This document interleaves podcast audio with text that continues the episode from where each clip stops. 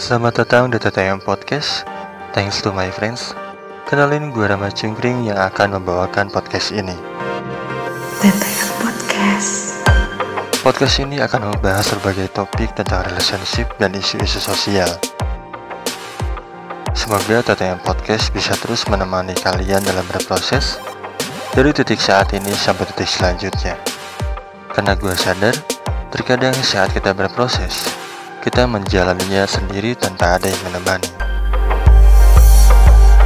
TTM Podcast.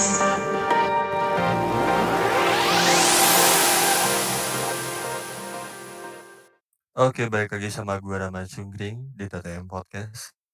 Ini adalah episode hari Senin tanggal 25 Januari 2021.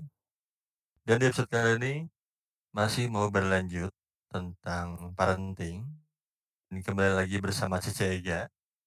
Halo Ega. Halo, aduh balik lagi sama gue semoga nggak bosen ya. Karena pembahasan ini lagi. juga menarik juga nih. Kita mau bahas tentang dua hal lagi yang berpengaruh sama eh, pengasuhan. Yang satu itu lingkungan, yang kedua teknologi. Betul. Nah, kalau teknologi juga sempat kita singgung ya di episode mengolah emosi. Iya benar bahwa teknologi berpengaruh banget ya sekarang, apalagi kemajuan teknologinya udah kayak sekarang gitu kan. Kita aja sekarang record online ya. Iya, gue kayaknya udah hampir mau setahun lah. Maret ini gue mau setahun nggak keluar rumah sama sekali dan semua dilakukan melalui teknologi. Nah, jadi sekarang mau ngebahas tentang lingkungan dan teknologi. Lingkungan ini menurut gue juga sangat erat ya kaitannya. Gila ya, eh, segitu berpengaruhnya lingkungan. Kalau gue dulu ngerasanya banget sih, Rap. Lu gitu gak sih? Tongkrongan tuh berpengaruh banget sama kita. Parah banget. Karena itu yang benar. paling dekat sama Gue kita. tuh ada fasenya di mana gue lebih gercep kalau ada apa-apa di tongkrongan. Plus gue gue banyak tahu informasi dari tongkrongan yang nantinya gue minta cross check ke bokap gue gitu. Jadi gue misalnya eh kan kalau dulu ya kalau zaman-zaman SMP kita suka nongkrong banget gitu kan. Terus gue dapet lah obrolan-obrolan terkait berita-berita yang ya namanya anak baru gede gitu sok-sok ngikutin berita tapi kan gak tahu bener atau enggaknya. Nah itu gue biasanya cross check ke bokap gue eh emang bener gitu. Ntar bokap gue yang jelasin. Konfirmasi ya. Mm-mm, tapi kan sayangnya rupanya nggak semua remaja, nggak semua anak punya privilege kayak gue mungkin bisa bertanya sama bokapnya gitu. Nah itu yang jadi eh, pembahasan ini bahwa kita tuh emang perlu tahu sih dengan siapa dan ada di mana anak kita eh, dan ada di mana di mana lingkungan anak kita berada. Nah, gue tertarik tuh masalah komunikasi antara orang tua dan anak. Kadang-kadang ketika kita sebagai anak meminta konfirmasi info sesuatu sama orang tua, Mhm. orang tua tuh kayak ragu bahkan tidak menjelaskan dengan detail. Eh, ini ya, lu sering ngalamin yang kayak gue dulu ada guru yang gitu, ya pokoknya yang di buku gitu, lah apa kali? Gitu, orang tanya apa pokoknya yang ada di buku gitu, atau ada ada dulu kakek apa nenek gue kayak ah anak kecil gitu, gue jadi di- ya udahlah, ya emang nggak semua orang tua punya kemampuan berkomunikasi dengan baik sih, bahkan bukan cuma orang tua, kita pun si orang yang sudah mulai jadi orang dewasa kadang nggak punya kemampuan berkomunikasi dengan baik. Iya, iya. Karena gini, apalagi terhadap info yang sensitif. Kayak misalkan edukasi seksual. Mm. Nah, episode kali ini agak eksplisit nih. Karena karena lo kadang taunya dari lingkungan kan, Betul. Dari tongkrongan lo kan, dari teman-teman lo kan. Ayo, gue nanya deh, to- eh, kelas berapa lo nonton bokep? Waduh. Eh, ini maksud gue bukan mau gimana ya, tapi ini nih nanti mau gue hubungin sama si terkait si pembahasan tentang lingkungan. Iya, iya. Gue sayang sekali SD. Wah, anjir. Oke, di mana? Itu nonton di tongkrongan rumah. Hmm, tetangga gitu ya, tetangga. Ya, tetangga, teman-teman di rumah. Oke. Nonton ya, bukan dari majalah atau Enggak, nonton itu. eh, prolohnya langsung nonton. Langsung nonton. Eh, paham gue paham. Terus gimana? Nah, maksudnya hal-hal kayak gitu agak sulit dikonfirmasi ke orang tua. Ini nih emang luar biasa sih kalau udah ngomongin terkait lingkungan gitu. Ya sangat-sangat wajar karena, mmm, anak tuh ibaratnya anak tuh kayak kita aja gitu kalau kita nggak dapet penjelasan secara bener ya dia akan cari di tempat lain. Iya, betul. Itu kenapa lingkungan jadi salah satu hal yang nggak dapet kita nggak bisa kita kontrol dari pengasuhan. Kita nggak mungkin kan ngejagain anak kita, "Eh, kamu jangan main sama si ini," gitu, "main sama si ini aja," gitu, nggak bisa kan? Iya iya. Kita nggak punya kita bahkan nggak bisa ngawasin anak kita 24 jam terus-menerus. Masa iya kita pasang chip di otaknya sih atau kita taruhin kayak, apa namanya, kayak main mafia-mafia gitu, kita taruh alat detektor gitu, dia ke mana nih gitu, terus kita sadap gitu kan GPS ya? mungkin. Iya, kita taruh GPS dan kita sadap, nah kan kita nggak mungkin. Tapi kita bisa membekali anak kita untuk berada di lingkungan itu. Dengan cara dekat sama anak dan sering nanya kali ya? Betul, dengan cara membina hubungan. Jadi gini, banyak orang yang merasa bahwa hubungan kekeluargaan tuh nggak perlu dibina. Sesederhana kayak orang merasa karena lu udah kawin, jadi lu nggak perlu ada lagi tuh kencan-kencan kecil ngebina untuk ngebina hubungan lo sama pasangan lo. Iya iya. Nah, masalahnya untuk menciptakan hubungan yang baik, ya lo harus punya usaha yang lebih, effort-nya harus lebih. Misal, ketika anak lo membutuhkan lo secara full, sepenuh hati, sepenuh tubuh lo hadir untuk anak lo, ya lo hadir. Ketika anak lo membutuhkan lo untuk bertanya tentang apa yang dia nggak tahu, ya kasih tahu. Kalau lo emang nggak tahu sama sekali gitu, lo boleh kok jujur, nggak apa-apa lagi, anak juga paham nggak kan kita bukan Archimedes atau siapa yang pinter kebangetan atau kita kan nggak semua hal di dunia kita tahu, kita bisa bilang, "Aku wah aku tuh kayaknya nggak" gue sering banget, anak gue hari ini tadi dia nanya, ini agak, "Zeus tuh eksis atau enggak?" Terus dia nanya lagi, "Zeus itu dewa ya? Kok kalau dewa dia punya anak?" Kata Umi, "God itu nggak punya anak, Tuhan itu nggak punya anak." Oke. Nah, loh, heeh. Gue dapet pertanyaan itu di tengah-tengah gue lagi ngantuk banget, pengen tidur siang, ya Allah. Jadi itu menjawab pertanyaan anak gimana sih? Gue bilang sama dia karena kondisinya gue lagi ngantuk banget, gue cuma jawab, eee, yang pertama, "Zeus eksis atau enggak?" Gitu kan. Terus gue terus gue bilang, "Setahu aku Zeus itu nggak eksis, Kak. Tapi kalau kamu nanti masih butuh lebih banyak, nanti kita googling bareng-bareng ya, aku sekarang mau tidur dulu." Gue bener, Mmm. abis itu gue tidur dulu karena kan ngantuk ya, kalau ngantuk tuh gue takutnya nanti reaksinya nggak tepat ke dianya gitu. Iya iya. Nah, bisa jadi nanti gue marah atau apa gitu, karena asli tunduh pisan gitu ya. Mhm Jadi mhm. baru sorenya begitu gue, eee, begitu udah selesai kita tidur siang bareng gitu ya, terus gue cari sama dia, "Nih Kak, ada yang bilang Zeus itu cuma cerita." Terus terkait, eee, God, ini karena dia habis nonton film Hercules ya. Cas Oke, iya iya. anak ini habis nonton film Hercules, pertanyaannya rese banget, terus gue bilang, "Ini nih buat fil karena difilmin sih Kak, jadi digambarinnya dia punya anak. Kalau kita, kepercayaan kita, Tuhan tuh nggak punya anak." Ini ada Jadi 2 gue hal yang menurut gue. Pertama, hal sekecil itu, masalah ngantuk, harus dikomunikasikan. iya, mengungkapkan perasaan. Betul. Nah, yang keduanya, ketika kita mengkomunikasikan bahwa akan membahas nanti, kita juga harus ingat tuh janji itu. Bener banget. Itu yang kadang dianggap sepele sama semua orang. Gua nggak bilang cuma orang tua ya, hampir semua orang. Kalau kita udah janji, kadang tuh kita suka menyepelekan gitu loh. Kayak, "Ah, nanti aja dia kan anak kecil, ntar juga lupa," gitu. Atau bahkan ke teman kita gitu, "Ah, nanti aja, ntar juga dia lupa." Ya kalau emang lo bilang sebentar, ya sebentar. Kalau lo bilang nanti sore kita bahas, nanti sore lo bahas. Gue pernah punya I kejadian, see. ini terkait sex edu ya. Iya Eee, suatu hari Eee, gue sama suami gue, eee, melakukan rekreasi kami ya. iya. Terus melakukan rekreasi kami, saking keasikannya and then capek, terus tidur dengan posisi, eee, hanya pakai selimut. Oke. Di pagi hari, ini karena asumsinya hari libur kami pikir mau bangun lebih siang gitu. Biasanya kami kalau hari libur bangun lebih siang. Tiba-tiba, eee, ada tangan yang megang badan gue gitu, terus gue kaget gitu, "Wah, oh iya," gitu kan. Si tangan ini belum gue sih lihat dia nggak bangun ya gitu, gue pikir dia nggak bangun heeh. karena dia karena dia mencari tangan gue aja. Ini kita tidurnya Iya. masih satu kamar soalnya belum pisah kamar. Terus gue buru-buru refleks, gue bangunin laki gue, terus gue suruh pakai baju gitu, terus gue pakai baju. Udah, besok pagi, tengah kit eh bukan besok pagi, nggak lama dari situ udah bangun, itu kita lagi makan bareng. Anak gue nanya, "Kok Abi Umi tidurnya nggak pakai baju sih?"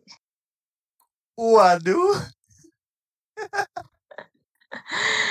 Laki gue langsung memandang istrinya dengan tatapan tolong gue, keluarin gue dari mungkin dia ngomong kayak gitu kan. Gue tuh kayak, oke, oke gitu kan. Terus ya udah terus, eee, gue bilang, "Ya kita selesaiin makannya dulu ya," gitu. Terus gue ya kita udah selesai makan, terus kan gue kalau selesai kalau makan tuh selesai duluan. Gue langsung menghubungi tim gue di kantor, "Woi, gue ke-gap nih, gue harus bilang apa?" Gue bilang gitu. Terus me mereka lagi-lagi nih, "Lo harus tahu" "ini anak yang lo ajak ngomong usia berapa. Nggak mungkin lo bilang, 'Iya, tadi malam kami habis ojos,' gitu-gitu kan nggak mungkin ya." iya lah. Jadi lo harus tanya dulu, "Emang Syahrul" nggak gue sebut nama anak gue deh, eee, gue tanya ke anak gue, "Emang yang kamu lihat apa?" Ini setelah diskusi ya, diskusi sama tim gue. Jadi gue juga bahkan butuh diingatkan lagi, karena kalau kejadian, itu kan lo kondisinya panik kan. Iya, betul. Jadi lo butuh tenang dulu, makanya gue memilih untuk, kita selesaiin makannya dulu ya, Kak. Padahal itu tuh gue lagi nyari, oke kali gue harus apa ya, gue harus gimana ya, karena gue makannya lebih selesai duluan, gue take my time untuk ngobrol sama, eee, teman-teman gue gitu. Biar agak, oh ya udah lebih chill gitu, habis itu baru gue ngomong sama gue. Suami gue tentu dia menyerahkan semuanya kepada gue dan dia nanti akan, "Iya kok," gitu gitu. Terus akhirnya kita berdua nanya, "Emang yang Sheila lihat apa?" "Iya, aku lihat Abi Umi nggak pakai baju, cuma pakai selimut doang." Kata kata Abi Umi, "Kalau tidur harus pakai baju tidur." "Iya, Kak, kemarin tuh gerah, jadinya aku sama Abi tuh nggak pakai baju." "Oh, tapi kan area private-nya jadi kelihatan," kata dia gitu. "Iya ya, harusnya nggak boleh kayak gitu ya, lain kali aku nggak ulangin lagi deh," gitu. Karena dia dia tanya cuma sebatas itu, kan dia nggak lihat lebih dari situ. Mungkin kalau dia sudah lebih besar kan beda lagi. Jadi yang paling penting adalah, lo ngobrol itu ya disesuaikan sama usia anaknya juga, sesuai sama tahap perkembangannya. Kan sering banget nih kalau anaknya udah remaja, terus lo misalnya dia tanya sesuatu terus lo jawabnya, "Jangan jangan ini, jangan itu," ya nanti dia makin cari ke temen-temennya. Kenapa gue bilang kunci dari lingkungan adalah kuatin dulu di dalam rumahnya karena, ya itu tadi balik lagi, kalau anak merasa di dalam rumahnya itu dia terpenuhi, dia nggak akan cari yang aneh-aneh kok di luar. Iya iya, paham paham. Termasuk mengkomunikasikan tentang teknologi ya? Iya, termasuk teknologi. Kebayangnya gini, kemajuan zamannya udah semakin gila, lo nggak mungkin kan bilang bahwa anak itu tidak dikasih eee, nggak boleh pegang gadget. Mungkin. Sekarang iya, belajar aja udah pasti menggunakan gadget dong, laptop, handphone, itu kan gadget. Iya. Jadi, dibandingkan elu melarang, mendingan lu kasih ilmunya ke anak lo, lu kasih keterampilannya. Jangan sampai dia masuk nyemplung ke dunia teknologi yang luar biasa, tapi nggak punya keterampilan. Itu tuh sama kayak, lo mau nggak sih nyuruh anak lo ke pasar sendirian? Ya enggak lah. Enggak kan?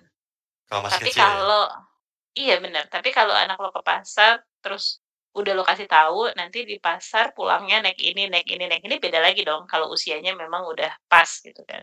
Ya Iya sama, iya. teknologi juga gitu, yang pertama, lo lihat dulu tahap perkembangannya, sesuaiin sama tahap perkembangannya. Usia ini sewajarnya bukanya yang mana, usia ini sewajarnya seperti apa, waktunya berapa lama. Terus lo bekelin anak lo sama keterampilan teknologinya. Eee, anak-anak lo sering banget gue sering banget lihat temen-temen ponakan gue gitu ya, komen tuh pakai anjing atau apa gitu di media sosial gitu. Nah itu tuh biasanya jadi bahan obrolan gue sama ponakan-ponakan gue. Diobrolin gimana maksudnya? Kan secara refleks lu kesel ya ngeliatin misalnya, "Oh foto lo jelek banget anjing," gitu kan secara refleks lu kesel dong keponakan lo digituin atau anak lo digituin kan? Iya iya. Ta tapi kan lu nggak bisa langsung, eee eee, ngebalesin atau lo bilang ke a anak lo atau ponakan lo bilang bahwa, "Eh udah jangan main, mmm, media sosial lagi, jangan ini," ya kan nggak bisa. Itu Iya. dunianya mereka. Dan memang sudah usianya gitu, udah 17 something. Gue cuma bilang, "Dek, ini nih kalau di tongkrongan emang kayak gini ya, Dek?" Kalau komen, "Enggak lagi Ci, itu tuh nyebelin," gitu. "Oh gitu, menurut kamu ini sopan nggak?" Gitu. Biasanya gue nanya gitu dulu. "Enggak Ci, ya iya emang kalau di media sosial tuh kita emang harus gini," gitu. Gue gue ceritain itu. Gini, ini nih akan pembahasan yang beda sih. Jadi biasanya tuh cara berkomunikasinya diperhatikan. Anak-anak zaman sekarang tuh nggak suka bukan anak sekarang juga ya, kita juga dari dulu, nasehat tuh tidak pernah efektif. Iya iya iya. Jadi dibandingin lo ngomong, eee, ngebahas tentang nasehat, komunikasinya mendingan pakai cerita pengalaman. Nah itu anak lebih ngedengerin. Terkait, eee, teknologi, ya lo harus menciptakan si obrolan itu. Lo harus kasih tahu bahwa di media sosial bukan berarti lo bisa seenaknya nulis. Lo kasih keterampilan lain juga bahwa di media sosial lo harus kritis, lo harus menjaga keamanan. Menjaga keamanan dalam hal lo nggak bisa kasih rumah lo, lo nggak bisa kasih nama lengkap lo, lo nggak bisa kasih foto lo dengan gue susah nih bilangnya ya, gimana ya bilangnya, anak-anak zaman sekarang tuh banyak banget yang foto-foto area pribadinya akhirnya jadi jadi bahan untuk dipublikasikan sama orang lain karena dia nggak dia nggak tahu tentang si faktor keamanan itu, Ram. Iya iya, sering lihat sering lihat. Nah, itu yang harus diajarin sama orang tua, keterampilan-keterampilan itu, keamanan, kritis-kritis nih terkait berita yang dia terima. Jangan mentah-mentah gitu aja, terus cara berkomunikasinya juga lo ajarin gimana. Jangan sampai dia terjun ke dunia yang rame banget itu, si dunia digital itu, tanpa keterampilan itu. Nanti yang ada, ya lo nggak bisa kontrol sama sekali. Dia lebih percaya orang di media sosial atau orang-orang di dunia internet itu. Karena lo kan lagi-lagi balik lagi, lo nggak bisa kontrol dia 24 jam dan lo nggak bisa kontrol teknologi yang berkembang. Semakin lama teknologinya semakin gila-gila. Dulu kita nggak kebayang melalui teknologi kita bisa ketemu tatap muka, kita bisa kalau dulu cuma bisa ngedengar suara, sekarang bahkan bisa ngeliat video gitu, bisa Iya. ngobrol lama, kita bisa kirim segala macam. Nggak kebayang bisa Gitu. recording online kayak gini ya. Iya bener, gila. Dulu kita nyari berita tuh harus baca koran, kalau sekarang anak sekarang cuma tinggal temennya cerita apa, terus dia googling, wah dapet. Kalau dulu kita nonton harus ke rumah tetangga kan, misalnya kayak lo tadi cerita nonton bokep harus ke rumah tetangga. Gue dulu nonton bokep pertama kali pakai koleksi bokap gue Wadaw. di rumah dan ke Gap. Terus Di gimana rumah itu? ini gue sering banget ngomongin ini ke setiap kelas-kelas gue. Gue ke Gap nonton bokep, bokap gue tanpa gue tahu hari itu ada dokumen yang ketinggalan. Jadi dia balik ke rumah, dia masuk ruang tamu, dia lihat gue lagi nonton. Gue waktu itu SMP kelas 3, cewek SMP kelas 3, nonton sendiri. Tiba-tiba bokap gue begitu ngeliat, diem, dia matiin, gue panik dong. Terus dia nelpon, jarak telepon tuh sama TV gue lumayan deket gitu. TV gue di ruang tamu, terus dia nelpon, dia izin untuk nggak balik ke kantornya. Terus dia membiar dia cuma bilang, "Duduk di situ aja jangan ke mana-mana." Terus dia membiarkan gue menunggu, dia ganti baju. Terus dia duduk 30 menit dia diem. Berpikir kali ya untuk gimana caranya Mhm. komunikasiinnya. Dulu gue mikirnya kayak, "Ya Tuhan, ini gue mau diapain nih?" 30 menit dia diem nggak diapa-apain. Rasanya nggak enak banget, itu 30 ter menit terlama dalam hidup gue deh. Sampai akhirnya dia bilang, "Udah berapa kali nonton kayak gini?" Gitu. Gue kayak, as oh. Terus gue bilang, gue jujur gitu, eee, gue bilang bahwa, "Ini nih pertama kalinya," gue bilang. karena gue penasaran sama koleksi bokap bokap gue itu sebelum terus tapi gue cerita sebelumnya gue pernah ngintip eh, film striptisnya Demi Moore waktu itu kakak-kakak gue nonton gitu tapi kan itu kan nggak full ya nah kali ini gue Iya. tonton full ya terus ini gue salut banget sama bokap gue dia tidak marah tapi dia menjelaskan abis itu dia bilang jangan pernah nonton kayak begini di rumah teman atau bahkan bersama teman-teman kamu kalau kamu masih mau kayak gini itu koleksi papa ada gitu tapi Iya, kan karena kan cewek gitu. Kalau sama teman-teman, apalagi dilihat sama teman cowok kan bahaya juga. Nah iya. Nah mungkin kalau gue jadi orang tua mungkin gue nggak bisa setenang dia. Tapi dia abis itu dia bilang itu ada koleksi papa. Gue jadi makin gak enak hati. Gue cuma nunduk terus yang nggak berani jawab iya atau apa. Terus udah tuh udah pokoknya udah dia kasih tahu gitu bahwa ya lu jangan sebisa mungkin ini terus dia jelasin. Nanti tuh kalau kamu ini kan kamu sekarang udah remaja nih udah mulai puber.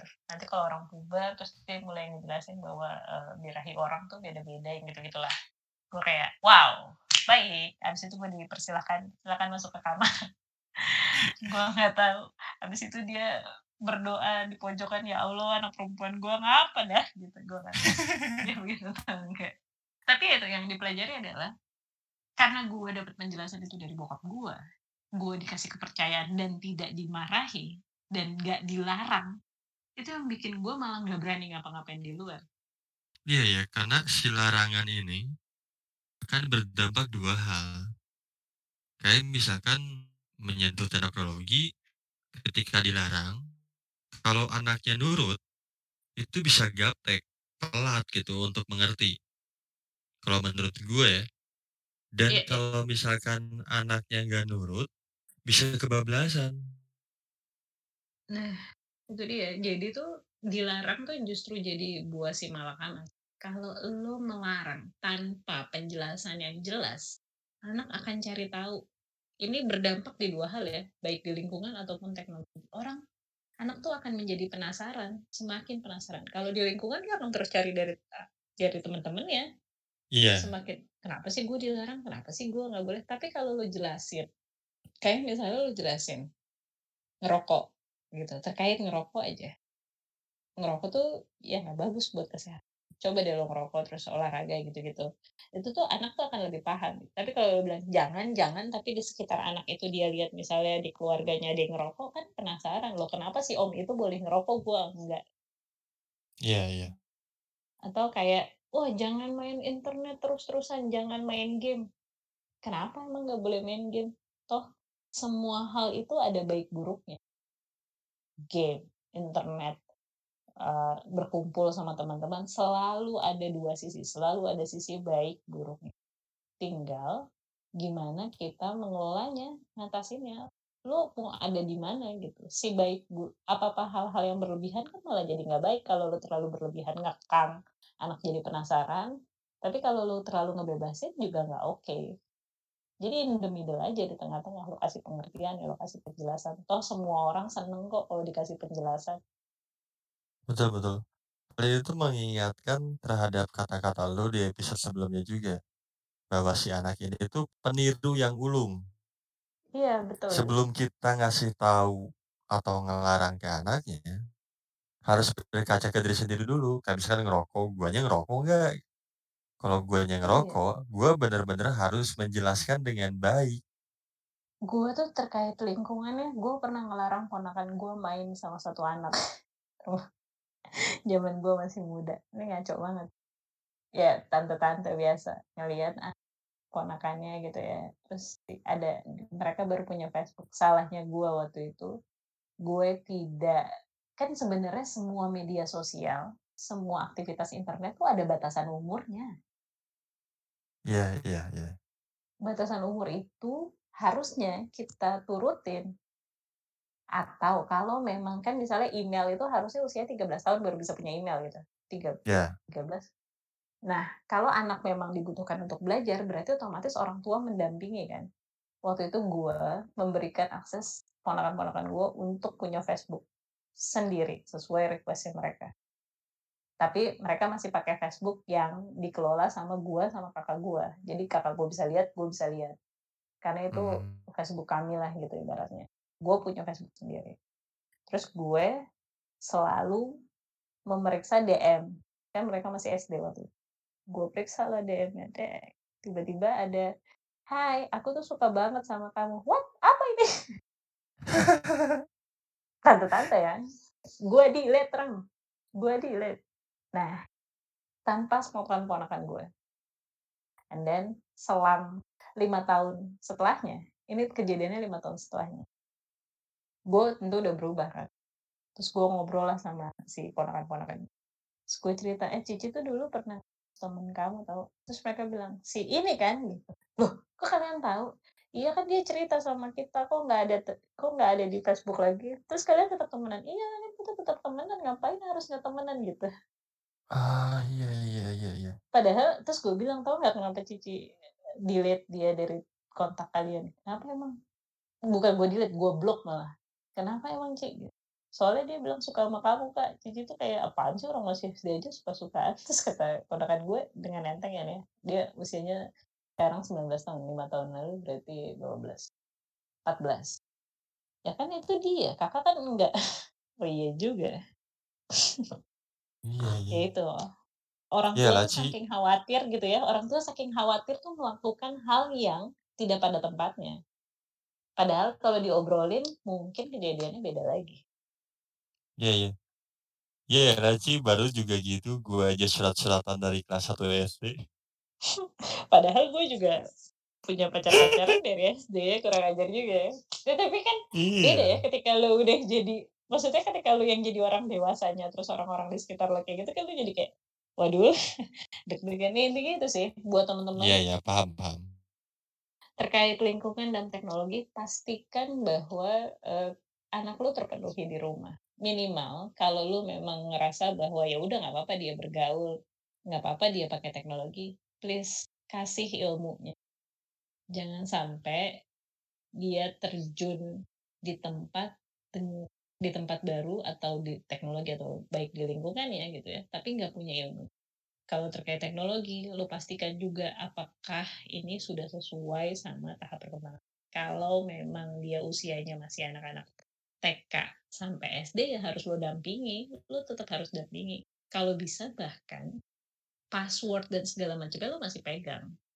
Ajari dia juga bahwa mana-mana hal yang boleh mereka share, mana yang enggak terkait keamanan.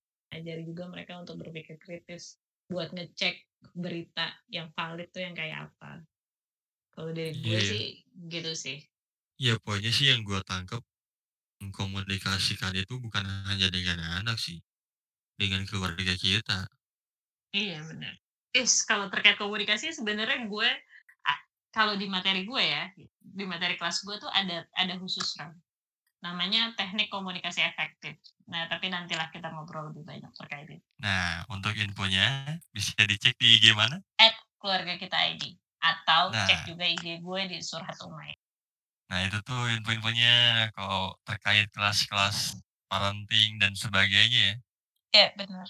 Nah, mungkin untuk kali ini juga kita nggak akan lama-lama sih, Ci. Cuman, Iya. eee, menurut gua, yang gue bisa tangkap dari sini adalah kita harus bisa mengkomunikasikan semua itu, baik lingkungan ataupun teknologi kepada anak kita atau keluarga kita yang lainnya. Betul, plus kasih bekal ilmu ke anak lo. Jangan lupa itu.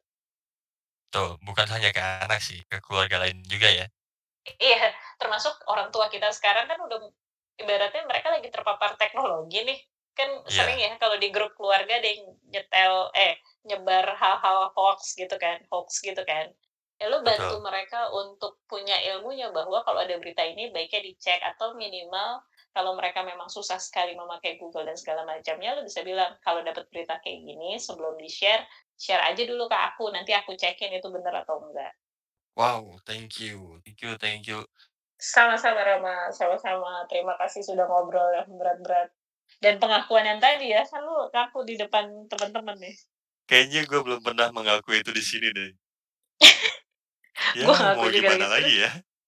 Iya dong, Iya. kan kalau orang orang mungkin berpikir kalau kita ngomong teori doang nggak akan percaya, jadi mesti ada contoh kasusnya. Iya iya iya. Oh, thank you, terima kasih sekali lagi buat Cici Ega, Makasih, udah ngisi Rama. episode kali ini. Berarti total sejauh ini ada 3 episode, panjang banget ya? Lumayan, gila nih bisa jadi buku nih. Atau teman-teman TTM mau bikin kelas nanti disediakan sama TTM Podcast. Nah, itu juga menarik. Boleh tuh, boleh. Thank you, Cici. Thank you, Rama. Bye semuanya. TTM Podcast. Buat kalian yang mau cerita berprosesnya kalian, bisa kirim ceritanya ke email ttmpodcast.story@gmail.com atau ke Instagram ttm.podcast. Kalian bisa cerita tentang apa pun dan kapan pun kalian mau. Karena yang gua tahu, bahagia sendiri buat apa, rasa sendiri itu kan gak nyaman. Gue Rama Cungkring, pamit undur diri.